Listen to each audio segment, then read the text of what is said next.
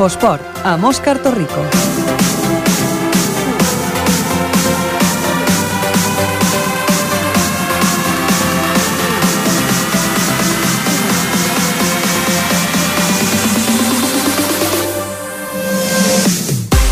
Molt bona tarda, a les 7 i 7 de la tarda d'aquest dilluns 15 de setembre. Això és l'Infoesport, el programa de l'actualitat esportiva a Ripollet Ràdio.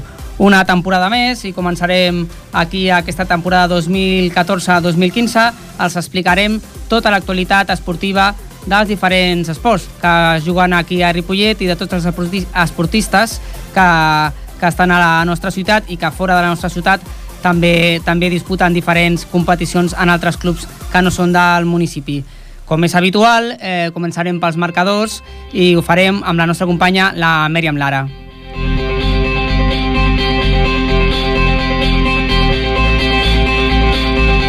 El marcador. Hola, bona tarda, Mèriam. Bona tarda. Doncs comencem amb el futbol. N'hi ha molts pocs resultats. De moment acaben de començar les competicions. Ho han fet en futbol i en futbol sala. En futbol a la segona catalana. Cirera Unió Deportiva 1, Club Futbol Ripollet 3. Segon partit de la Lliga que els ripolletens guanyen amb gols de Héctor, Borja i Joan. A tercera catalana. Escola Futbol Base Ripollet 4, Júnior B 0. Primer partit de l'escola que guanya en aquesta nova temporada. Un gol de Raül, un altre de Miguel i els dos últims de Juan Antonio. També a la tercera divisió catalana, també al grup 6. Penya Deportiva Pajaril 1, Can Rull, Romulo Tronchoni 2. Derrota del Pajaril a casa després de la victòria de la setmana passada. Encara que l'equip es va avançar al marcador amb el primer gol, els visitants van saber remuntar el partit. I ara repassem l'únic resultat de futbol sala que tenim a la segona divisió B. Escola Pia Sabadell 7, Futbol Sala Ripollet 1. Primer partit a una nova categoria de l'equip ripolletenc que s'ha estrenat amb una derrota. Doncs aquests han estat els quatre marcadors que hem tingut en, a, en aquest cap de setmana el primer cap de setmana per al futbol sala i el segon pel que feia al futbol, tant a la segona com a la tercera catalana. Una vegada repassat aquests marcadors, entrarem ara en el menú del que us oferim, que la veritat és que ve ben, ben carregat per, el, per ser el primer programa. Comencem. Futbol, futbol, I ho fem amb el futbol i amb un company habitual en aquestes tasques, el Jordi Soteres. Jordi, bona tarda. Hola, què tal, Òscar? Bona tarda. Bona tarda de nou. Sí, bueno, sí, eh, parlarem del Ripollet, aquest sí era un Ripollet 3, segon partit del campionat d'aquest any, de la temporada 14-15, i bueno, primera part del domini absolut del Ripollet amb constants situacions de gol, encara que va ser l'equip del Cirera el que a través d'un contracop es va avançant al marcador. De fet, poc va durar l'alegria dels de Mataró, ja que al cap de 5 minuts ja havia empatat a Héctor pel Ripollet. Segona part igual, el partit va ser una continuació de la primera. El Ripollet a guanyar el partit i el Cirera patia a veure-les venir. A l'últim quart d'hora, Borja va llançar una falta i va fer el segon de l'equip del Ripollet dels visitants. Ja en els darrers minuts del maig, un, una contra de Xema que desborda de per banda esquerra, envia un centre per, cap enrere per l'entrada del Joan Morera i fa el tercer i definitiu. I és de destacar el debut del juvenil Jairo, un jugador de, que encara està en edat juvenil, i després eh, van jugar de titulars Javi, davanter centre, i Carles, extrem dret, que l'any passat eren eh, jugadors juvenils del Ripollet, i és de destacar-ho, clar. Mm, sí, sí, que el David està comptant amb la, amb la cantera per, per tirar endavant aquest nou equip, tot i els reforços, perquè és un equip eh, que s'ha reforçat molt eh, aquesta temporada, sí, mi, Jordi. Sí, segur, és un equip que s'ha reforçat força i ens ho explicarà el David Ortiz, que m'imagino mm -hmm. que amb una, amb una estona el tindrem el tindrem aquí.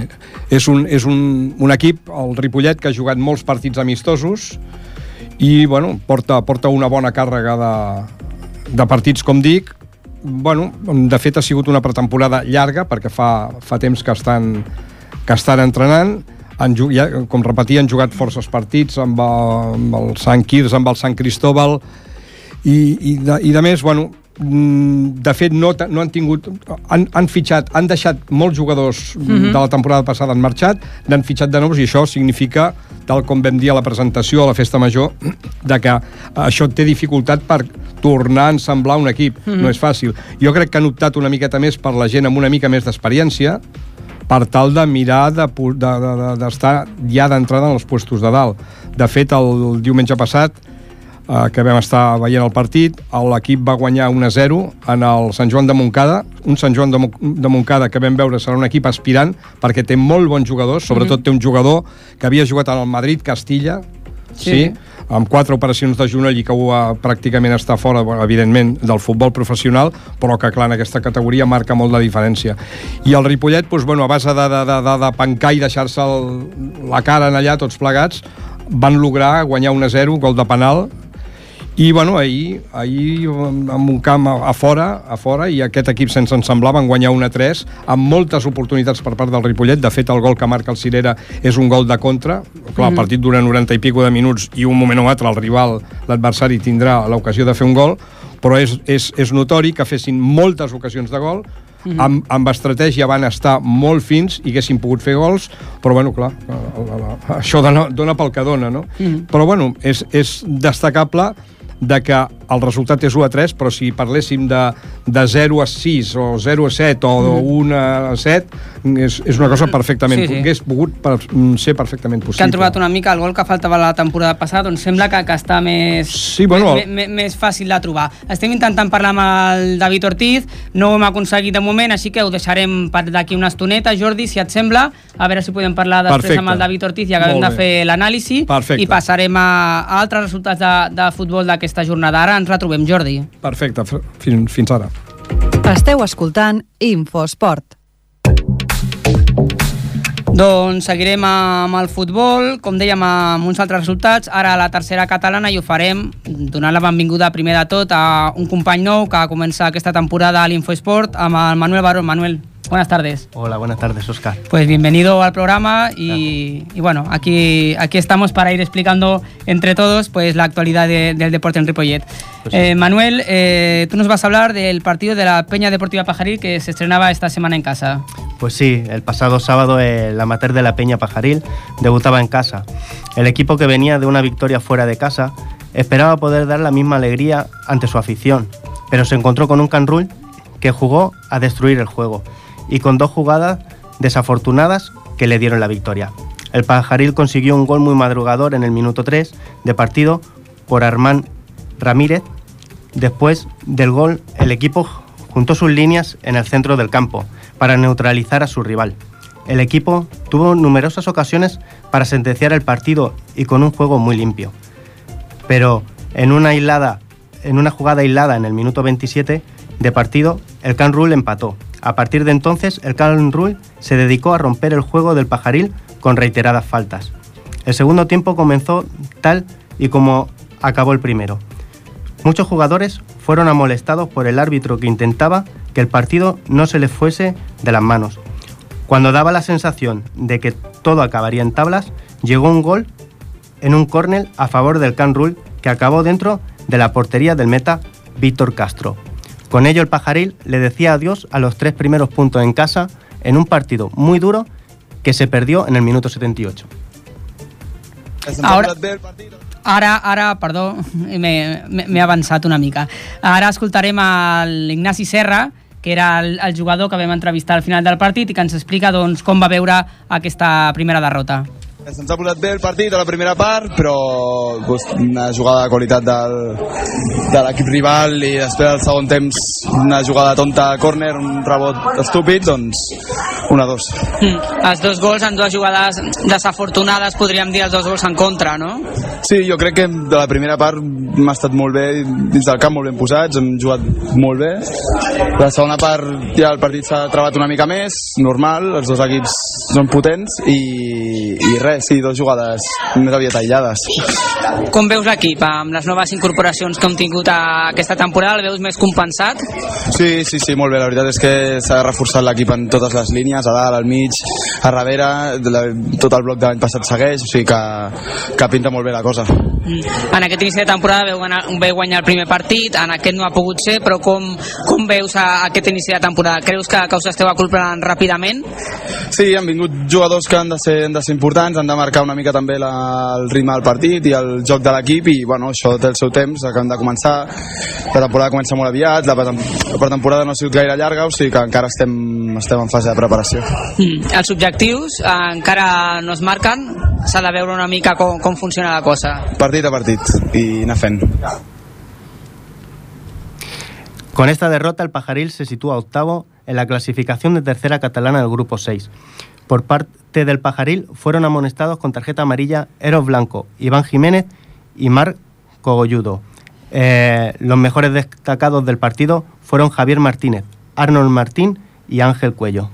Doncs moltes gràcies, muchas gracias Manuel. Esta próxima jornada que el Pajaril tendrá la oportunidad de, de, seguir sumando algún punto más, los puntos estos que se han escapado en casa, a ver si sigue con la suerte a domicilio como, como demostró la primera jornada con ese 0-3 que logró el primer fin de semana. Sí, Gracias Manuel sí. y bienvenido. Gracias, Oscar.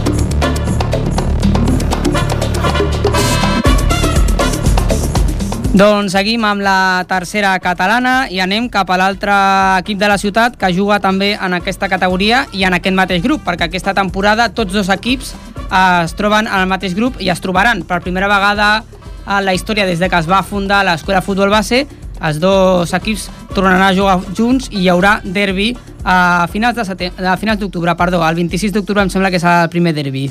Eh, us ho explicarem, però abans parlem del que ha estat eh, aquesta jornada, aquest cap de setmana, amb una altra companya nova que tindrem aquesta temporada, la Judit Martínez. Judit, bona tarda Hola, bona tarda. i benvinguda a l'Infosport. Doncs la Judit ens explicarà com ha anat a l'Escola Futbol Base, com va ser el seu partit de diumenge.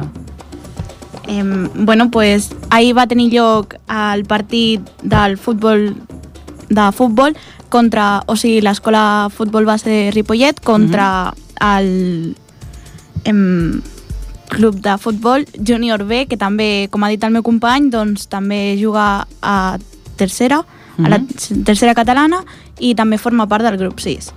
Em, a la primera part del partit eh, es van marcar dos gols, un als 5 minuts només de començar, de la mà de Raúl Romero, i això va donar un gran avantatge a l'equip, ja que va seguir tenint molta confiança en ell i va fer que una mica més tard eh, marqués Miguel Romero el segon gol. I, això, i, bueno, i gràcies a aquesta pressió eh, va aconseguir mm, ser molt, tenir molta confiança en ell i a la segona part marcar uns altres dos gols de la mà de mm, Juan Antonio García. Mm -hmm. Però al minut 48 va haver un gran problema ja que el seu porter es va lesionar i llavors el van haver de canviar per eh, David Oli, Olavide. Olavide. Mm. Exacte.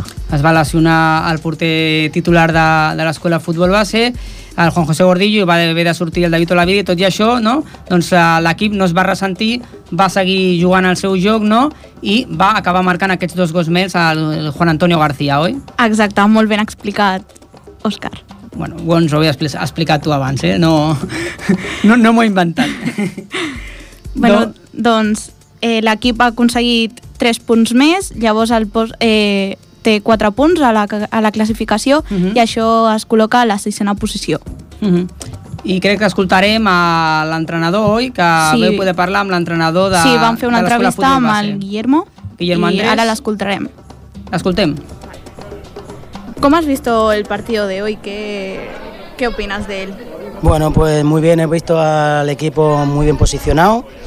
No íbamos a la presión porque si no nosotros mismos rompemos.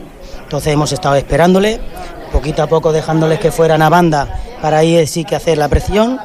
Una actitud buenísima por parte del equipo, igual que la del domingo pasado. Y bueno, ahora seguir trabajando y a ver si los resultados son positivos.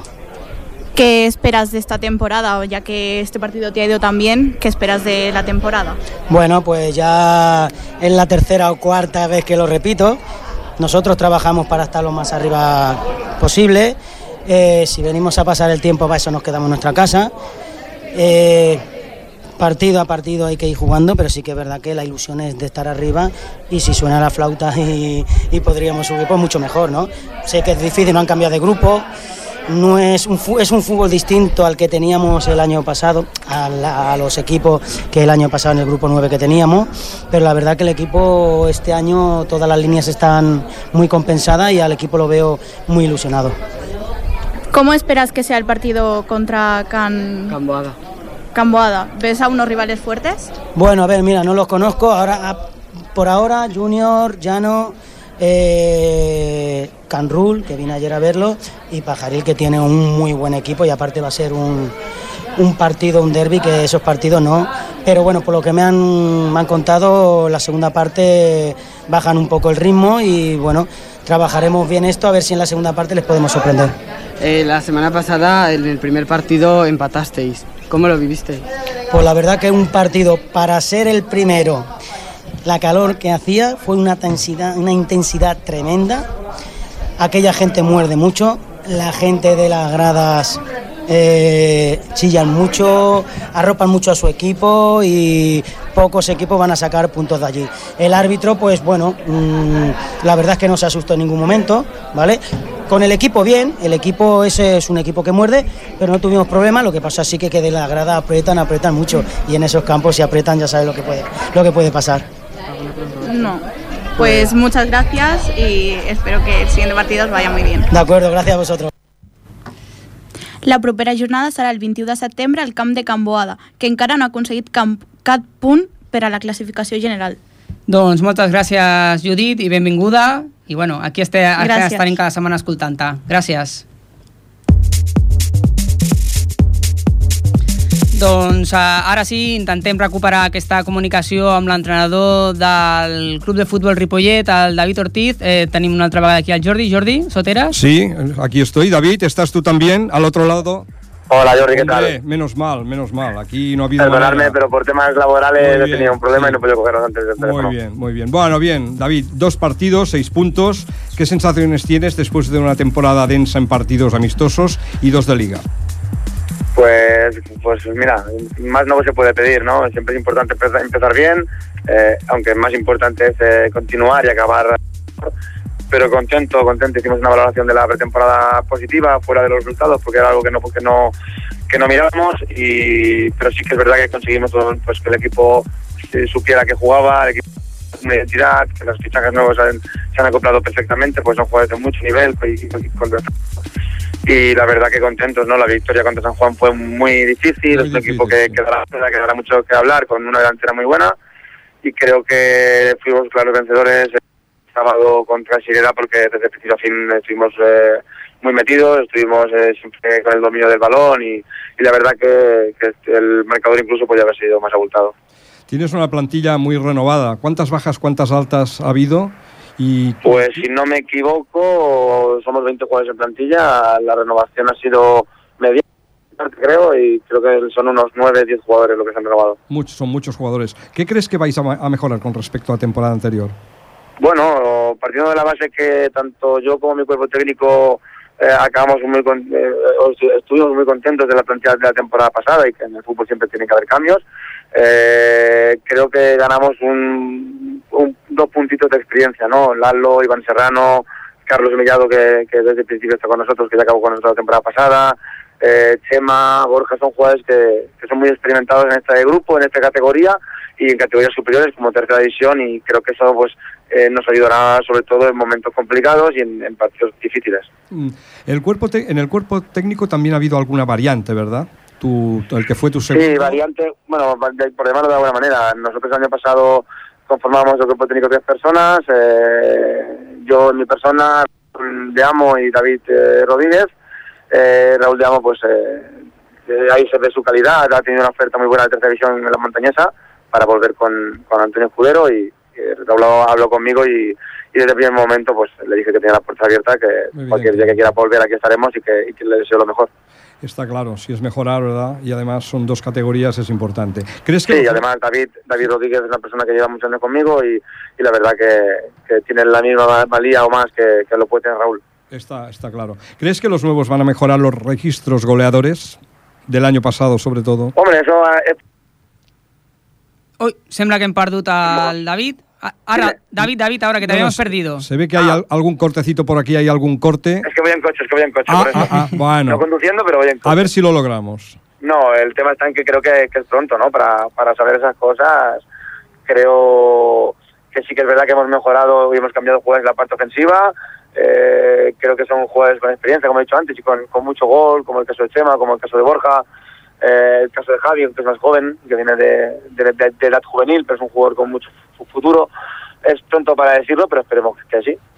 A ver, a ver si es verdad. Es, el gol es, es importantísimo. Sí. Luego, por otro lado, tenéis bajas importantes, sobre todo en defensa. ¿Cuáles crees que pueden ser las causas de estas lesiones, verdad? Porque en defensa me comentaba hoy David Rodríguez que, que me parece que, que teníais un jugador que incluso en el partido del jueves estaba tocadito.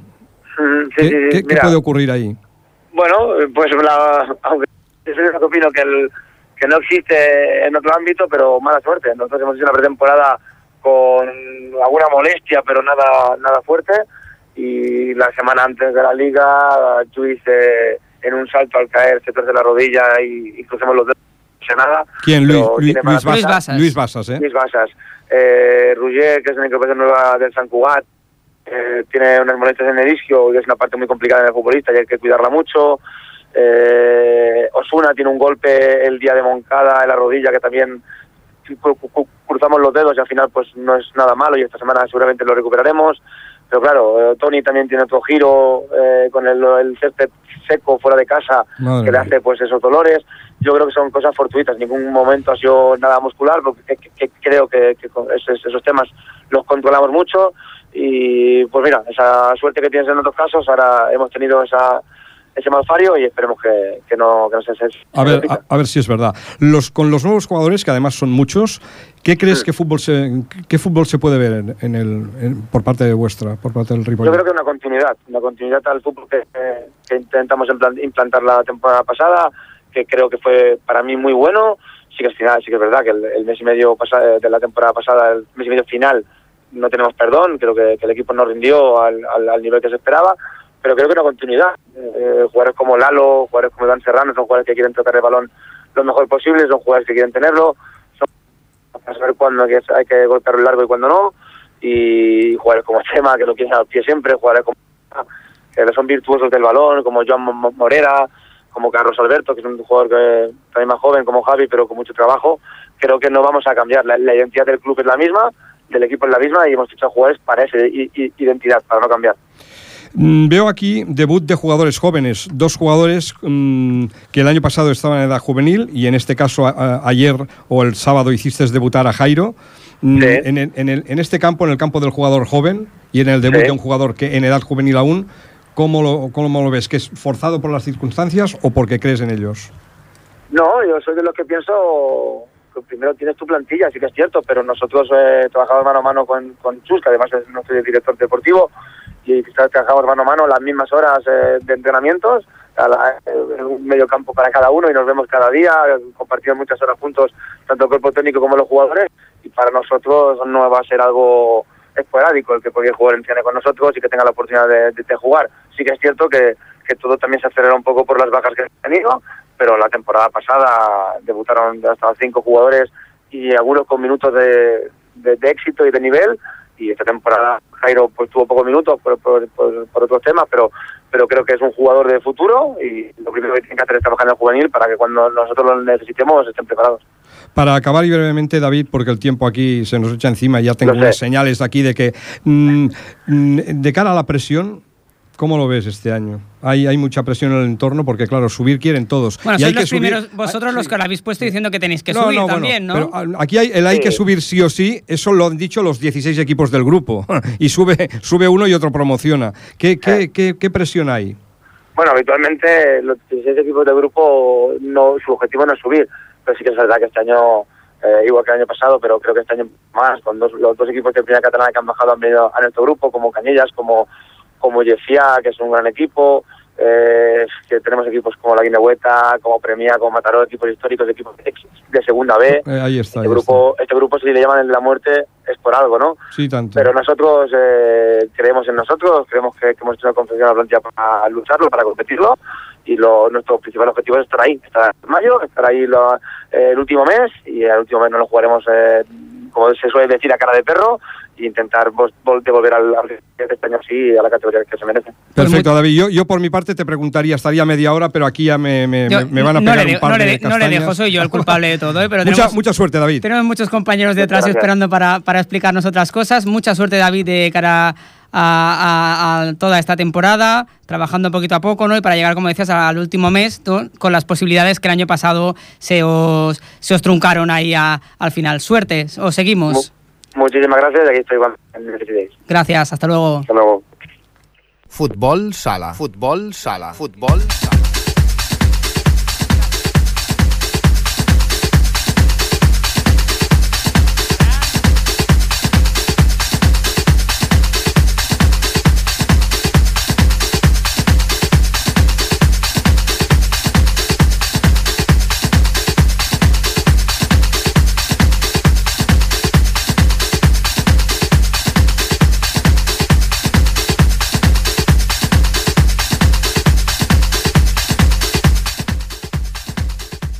El futbol, seguim com escoltàvem amb el futbol sala i ho fem amb el nostre company, el Ferran Rigat. Ferran, bona tarda. Bona tarda, Òscar. Doncs ens explicaràs com va anar la primera jornada del futbol sala Ripollet a la nova categoria, oi? Així és, ha estrenat el futbol sala Ripollet, ha estrenat la eh, categoria en la segona divisió B nacional, després de tres temporades fora de la competició. Per començar la nova aventura, l'equip s'ha desplaçat a Sabadell per jugar contra l'Escola Pia, equip punter en la categoria, i ho va demostrar amb una voltat 7 a 1 en contra dels interessos ripolletencs. Mm -hmm. Tot i el resultat del Ripollet, eh, ha lluit, eh, l'equip ha lluitat per, pel control del partit en els primers minuts, però l'experiència de l'Escola Pia es va acabar imposant. Als 3 minuts de partit, els locals ja guanyaven per dos gols. El partit va quedar absolutament dominat i un Ripollet desdibuixat es feia el quart en pròpia. La primera part s'acabava així amb, amb una maneta en contra i la necessitat urgent de canviar el rol del partit. Es va aconseguir a la segona part, que assegurava un Ripollet molt més ofensiu, així va ser, però l'equip local era qui tornava a ficar cullerada en el marcador fent pujar el sisè gol. A la següent jugada, el gol de l'honor ripolletenc es va produir només treure del mig del camp, però no es va veure més gols de l'equip visitant. En canvi, a 8 segons del, del final, els locals decidien amb el setè i definitiu. Mm -hmm. L'equip mm, et deixa una imatge fluja, molt llunyana de la realitat amb, amb molts aspectes per treballar i el pròxim partit a casa li tocarà rebre el futbol sala Pallejà, un dels altres equips for, eh, forts de la, del, de la competició. Sí, sí, no té, una, no té un inici fàcil de, en aquesta categoria de bronze estatal al futbol sala Ripollet. I per eh, parlar una mica del partit, hem aconseguit parlar amb el Jordi Martín, el president del, del futbol sala Ripollet. Uh, buenas, Jordi. Hola, ¿qué tal? Hola, ¿qué tal? Buenas tardes. Ah, ¿qué, qué crees que eh, tiene que trabajar el equipo después de este mal resultado? Bueno, de cara a la próxima jornada tenemos que estar en nuestra línea. El partido del sábado fue un accidente lo que pasó, de alguna manera. No estuvimos en ningún momento en la primera parte dentro del partido y el sábado tenemos que ser nosotros mismos, con nuestra propia identidad y jugar a lo que sabemos jugar. Eh, ¿Esperabais este, que se notara el cambio de categoría de esta manera? No, no, porque todos los partidos que hemos jugado esta pretemporada han sido con equipos de, de la misma categoría, de segunda B, y la gran mayoría de ellos han sido, han sido empates. Eh, Con la Escuela Pía jugamos el primer partido de pretemporada, empatemos en su pista 2, y bueno, hemos dado la cara en todos los partidos, no esperábamos tener una derrota tan contundente, digamos, ¿no? Pero cuando llega la hora de la verdad, a lo mejor los nervios a la hora de la verdad te atenazan un poquillo, ¿no? Pues no, no creo, porque nosotros tenemos, tenemos un equipo ya también, hay chavales veteranos ya, ¿no? Y con experiencia en esta categoría. No creo que haya sido un tema de nervios, sino un- yo creo que salimos muy despistados en la primera parte. Eh, cuando nos quisimos dar- cuenta, ya nos habían metido dos goles, nada más, nada más empezar el partido y ya se nos Ujú. puso muy cuesta arriba. Luego también algunas decisiones de los árbitros algo polémicas y, y ya la primera parte pues nos vamos con un 5-0. En la segunda parte ya dimos, plantamos más, más digamos, la, dimos más la cara dentro de la pista y el resultado fue de un 2-1 en la segunda parte. Entonces nos tendremos que quedar un poco más con esta segunda parte, que es la imagen que esperáis dar. Sí, más, más estuvimos más puestos en defensa, eh, presionamos más. eh, también hay que tener en cuenta que Escolas Pías el año pasado quedó tercero en la categoría. Tienen un buen equipo, chavales jóvenes, corren mucho, luchan mucho. Su pista es pequeña, digamos, ¿no? Es un poco más pequeña de las dimensiones normales. Y ellos tienen cogido muy la medida a su pista y eso para nosotros nos- también nos, nos fastidió algo ese tema. Eh, desde la directiva, ¿cuál es el objetivo de la temporada? Bueno, el primer objetivo es, es salvar la categoría. Este año hemos subido y lo que se trata es de mantener la categoría, si puede ser sin pasar dificultades, sin tener que sufrir mucho, pero bueno, es una, es una liga muy, muy competitiva, con, con grandes equipos ahí, y lo que hay que hacer es eh, ir paso a paso. El sábado tenemos otro partido importante ya, para, para el primer partido aquí en casa, contra Palleja, y esperemos que conseguir los tres primeros puntos. Ah, no- desde aquí no nos hemos informado sobre los refuerzos, que nos gustaría que nos comentara si los habéis hecho y si se han hecho, cómo se han adaptado. Sí, bueno, esta temporada tenemos, han habido tres incorporaciones que, que vienen de fuera, ¿vale? Bueno, es Albert, eh, el año pasado, bueno, no estuvo jugando, estaba por tema de trabajo, estaba en Alemania, y el último partido, el último equipo en el que jugó aquí fue en, el, en primera división, fue en el Rivera de Navarra. Luego viene como portero también viene Isaac, que viene del Natasio Sabadell, y luego tenemos a Antonio, que el año pasado estuvo jugando en Italia, en Potenza, en un equipo italiano, y este año ha vuelto aquí a España y ha vuelto con nosotros. Y luego también, pues, destacar la que del juvenil ha subido Carlos Barceló, otra nueva incorporación al primer equipo. Mm. O sea, que el equipo se ha reforzado con gente del- de la categoría y de categorías por encima. O sea sí, que- con nivel, gente con nivel de, de- de la categoría en la que estamos. Perfecto, pues esperemos desde aquí que esto solo haya sido un tropiezo, que mm, pase en contra, que los buenos resultados vengan para el Ripollet y eh, mucha suerte desde aquí. Vale, muchas gracias. Gracias, Jordi, suerte. Venga. Hasta luego.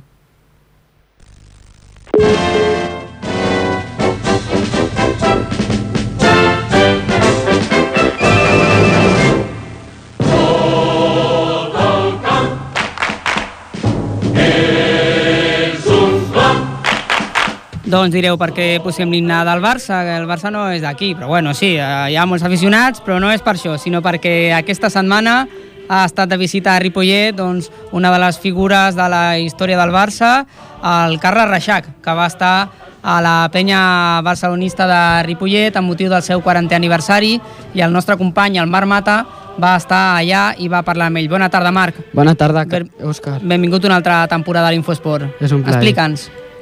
Carles Reixac, l'exjugador i exentrenador del Barça, va realitzar dilluns passat una classe magistral de futbol. La xerrada col·loqui va estar organitzada per la penya barcelonista Ripollet pel motiu del seu 40 aniversari. L'acte va comptar amb la, també amb la col·laboració de Jaume Oliver, exentrenador del futbol base blaugrana. En aquesta xerrada col·loqui dirigida pel nostre company Jordi Soteres es va analitzar el secret de, del joc i la metodologia del, que s'utilitza al club barcelonista.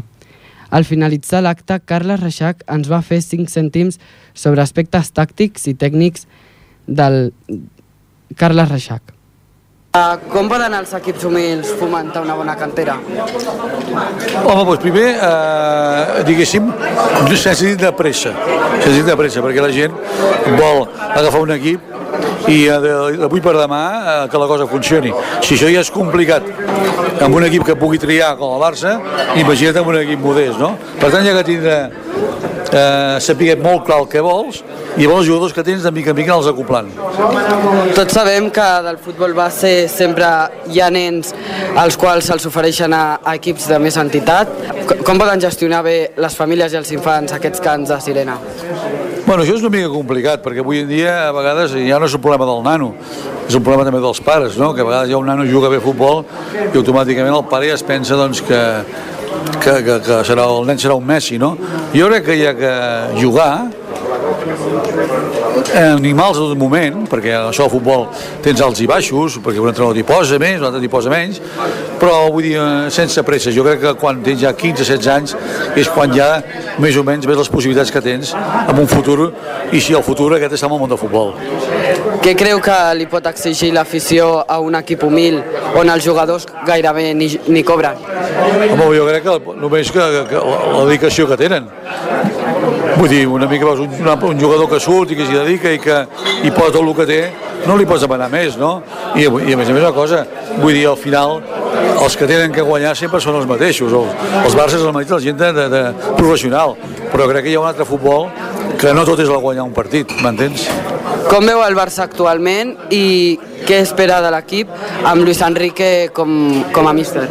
Home, jo veig l'equip francament bé, perquè té un bon equip, i amb el Luis Enrique que el torni una miqueta en el lloc que ha estat aquests últims anys, no? Una, falta, una, faltava una mica més de, com diria jo, una mica més de, de sistema, faltava una mica més de rigor, i crec que amb el Luis Enrique això ho agafaran. Doncs moltes gràcies al Marc, moltes gràcies també al Charlie Reixac per respondre'ns moltes qüestions mm, que li hem preguntat també al Marc, mo, mo, mo, molt bona entrevista per donar-nos claus també pel que fa doncs, a l'esport ripolletenc, no? claus que es, que es veuen des d'un entrenador d'elit que ha entrenat al Barça, doncs, com veu el, el que pot ser l'esport a, a nivell d'un municipi amb un clubs humils i, a, i amb clubs que, que fan base. Moltes gràcies, Marc. Ens retrobem no, una estona. Continuem, ara amb el bàsquet. Bàsquet, bàsquet, bàsquet.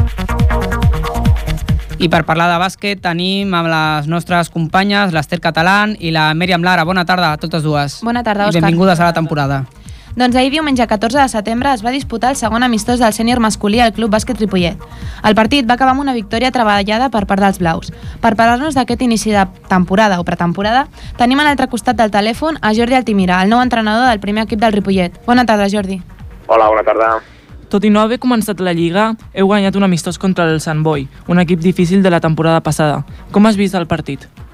Bé, la veritat és que és un partit típic de pretemporada, la qual en l'atac pues, no, no vam estar gaire encertats, però vam treballar molt bé a defensa, i bueno, a veure si mantenim la línia. Eh, no has pogut estar durant tota la pretemporada. Com, a, com els veus físicament?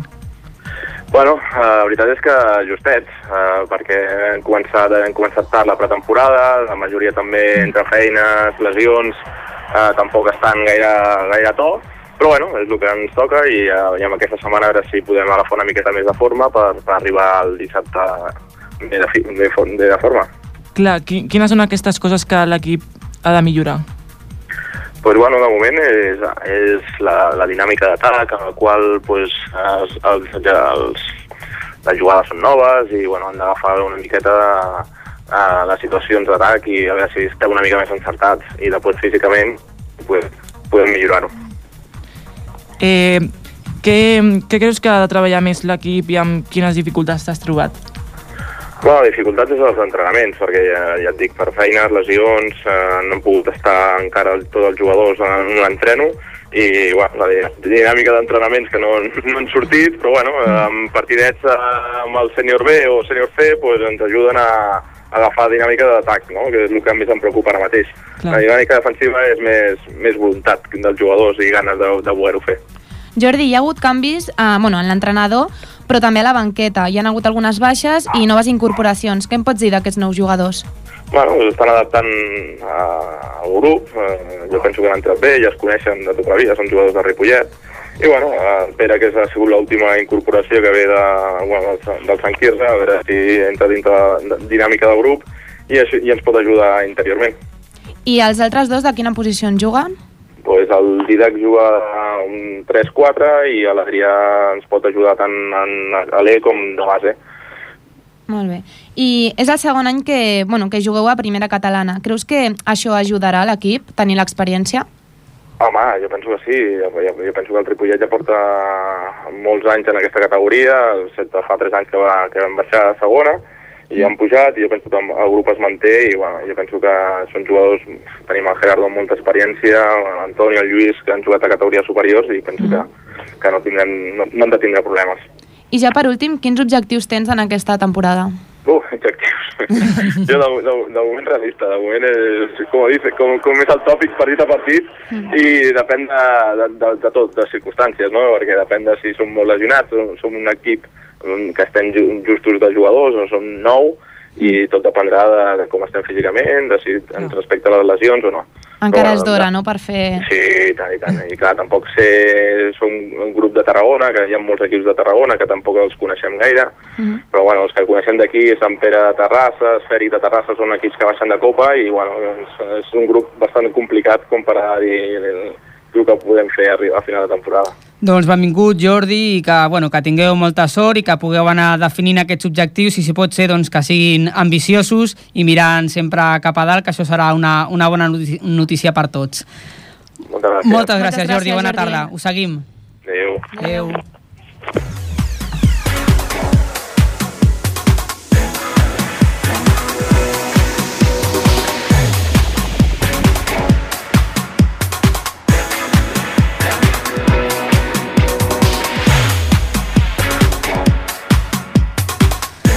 Doncs seguim i ho farem eh, presentant un altre dels companys, el Brian Calvo. Bona, Bona- tarda, Brian. Bona tarda, Òscar. Sembla que era l'únic que ja em quedava per presentar aquesta tarda de presentacions. Sí. Ja veieu que aquesta temporada doncs, som més gent, a veure si aconseguim doncs, fer millor la nostra feina i entre tots apropar-vos l'esport de, de Ripollet. Uh, també tenim el Marc una altra vegada, Marc Mata, Bona tarda, Òscar. i ens parlareu d'escacs, oi? Doncs sí. Aquí tenim per via telefònica l'Eloi, que amb, amb qui parlarem sobre el torneig que està a punt de celebrar. Eloi, bona tarda. Hola, bona tarda. Bona tarda, Eloi. Qui pot participar en aquest torneig?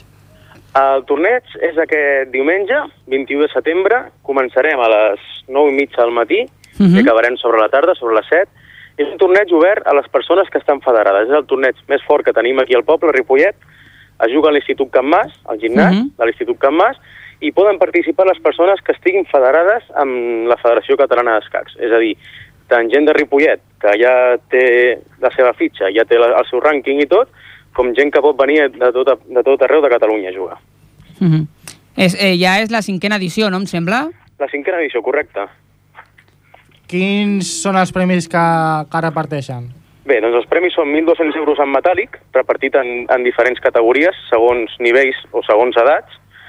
Eh, evidentment, els premis més, més forts són per la gent que quedi entre els 3 o 5 primers de la classificació general, i després hi ha els premis per trams, segons nivells. Hi ha un total de 40 premis. Déu-n'hi-do, déu nhi déu Quins A més a més hi ha trofeus i material d'escacs pels, pels més petits. Mm. O sigui, és- pots tenir premis de classificació general, del teu nivell, o també mm, per la teva edat, diguem, de categories d'edats. Uh -huh. Marc, Com es pot realitzar el pagament? la inscripció com es fa? El Eloi. pagament, Mhm. el pagament eh, té un preu mm, estàndard, que són 18 euros, i és, és un preu mm, general, no?, per, per la gent que no és sòcia del club. Evidentment, Mhm. després hi ha descomptes si fan el pagament mitjançant transferència bancària abans de 3 dies del torneig, i si ets soci del club, també tens un descompte. I Mhm. després es pot fer també alguna mena de descompte si són famílies nombroses o quelcom semblant. -huh. Evidentment, el, el, el preu està totalment justificat perquè els premis mm, són, Són en, importants, oi? en valor econòmic. Clar. Eh, imagino que tindreu a la vostra pàgina web no, l'accés per poder inscriure's tothom a través del Facebook, imagino, no, del vostre perfil Sí. de Facebook que teniu a les Sí. xarxes socials. De fet, hi ha una manera molt més fàcil de veure'l, que és una pàgina d'un company del club, Uh -huh. que a, a la seva pàgina surten tots els tornejos que juguen arreu de Catalunya i d'Espanya, Uh -huh. que és ajo- ajedreztorneos.com, Mhm. ajedreztorneos.com, i allà surten tots els tornejos que juguen, i a més a més, evidentment, surt el nostre torneig. Simplement Mhm. cal baixar fins al dia 21 de, de setembre, Setembre. I, i fer clic a l'enllaç on surten totes les bases del, del torneig. Mhm. Com apuntar-se, com fer el pagament reduït, el menú de... Perquè clar, és un torneig que dura tot el dia, Uh -huh. el menú del torneig i, bueno, totes les condicions, Mhm. tots els punts de les Fi- bases. Fins a quin dia la gent pot, la gent que té accés al torneig es Fins- pot, pot doncs apuntar fins- i, quin, i quines places hi ha? En Quantes? principi és, és fins dijous. És fins dijous. Hi ha una, unes places, l'aforament del gimnàs són 100 places. L'any passat vam fer quasi bé el ple, vam arribar a 95 persones, Uh -huh. i aquest any, bueno, sembla ser que la inscripció encara està una mica fluixa, però és normal, perquè cal tenir en compte que ara mateix, al mateix dia, hi ha 10 tornejos diferents arreu Mhm. de Catalunya, i a més a més, doncs... I que acabem de tornar de vacances i la gent també li, co li costa activar-se una mica, no? Exacte, comença el col·le, hi ha gent que està desentrenada i, bueno, evidentment ja sabem que les vacances sempre tenen un preu econòmic i per molt assequible que sigui la inscripció, sempre costa una mica decidir-se. Molt bé, doncs que tingueu molta sort, que s'acabi apuntant molta gent i que sigui tot un èxit aquest eh, obert eh, d'escacs actius de, de Ripollet en aquesta cinquena edició. Moltes gràcies, Eloi Serrano, i ens Gràcies seguim, ens seguim trobant per aquí. Bona tarda. Vagi bé. Adéu.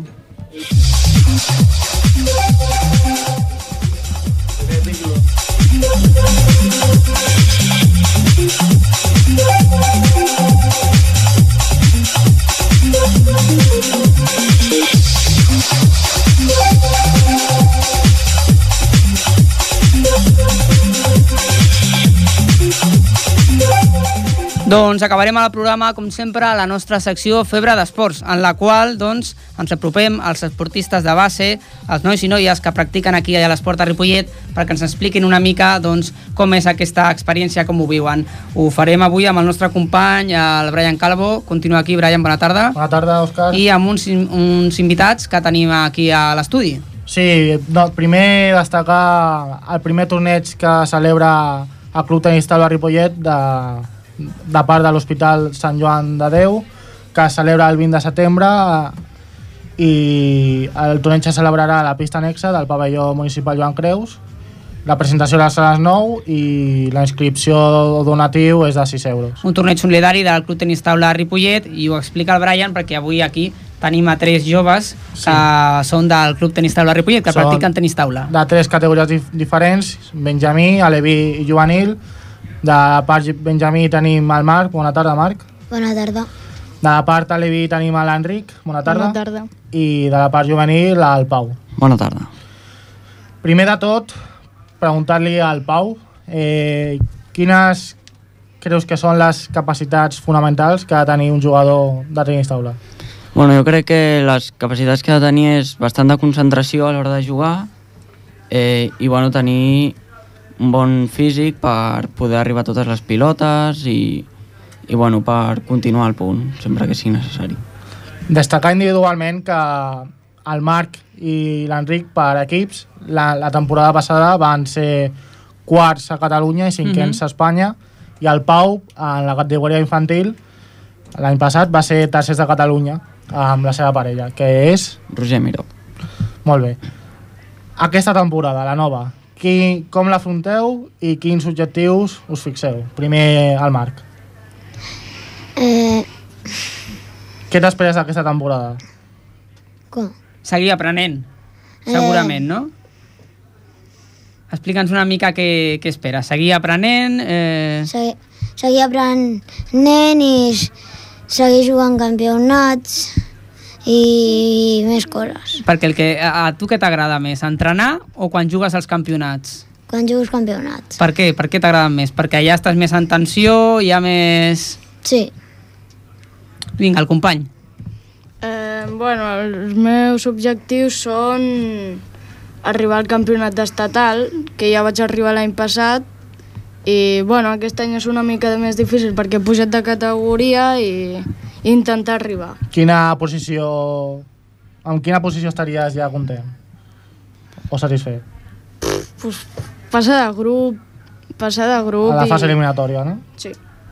I per últim el Pau? Bueno, el meu objectiu principal per aquesta temporada és pujar l'equip de tercera nacional a segona nacional. Mm. Aquest és ambiciós, eh? L'objectiu, aquí esteu... Sí, és el principal objectiu. Parlant del futur, eh, us veieu, bueno, sobretot el Pau, que ja és el més gran dels tres, eh, et veus en un futur dedicant-te professionalment al tenis taula? Home, jugant professionalment no, però bueno, potser... o arribar al entrenar- primer equip? Mm, Sí, arribar al primer equip, potser, o fer d'entrenador... No sé, jugar professionalment és difícil, però bueno. Però dedicar-te al tenis taula sí que, sí que creus que és accessible? O... Sí, però sí, jo crec que és accessible dedicar-se. No potser jugant professionalment, però sí entrenant. Mm, I els més petits, per, per què us veu ficant això del tenis taula? Amb tots els esports que n'hi ha, vinga, explica'ns per què, per què vas optar pel tenis taula. Perquè el meu germà jugava. Ah, o sigui que ja et venia de família, eh? Sí.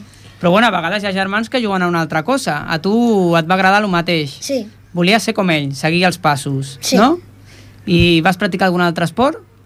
sí. Abans? Patinatge artístic. Déu-n'hi-do, eh? Els esports, a ti t'agraden els esports que no són molt massius, eh? L'Enric eh, ha, ha fet piscina, també ha fet futbol. Per què el tenis taula i no aquests esports? Per què els vas deixar?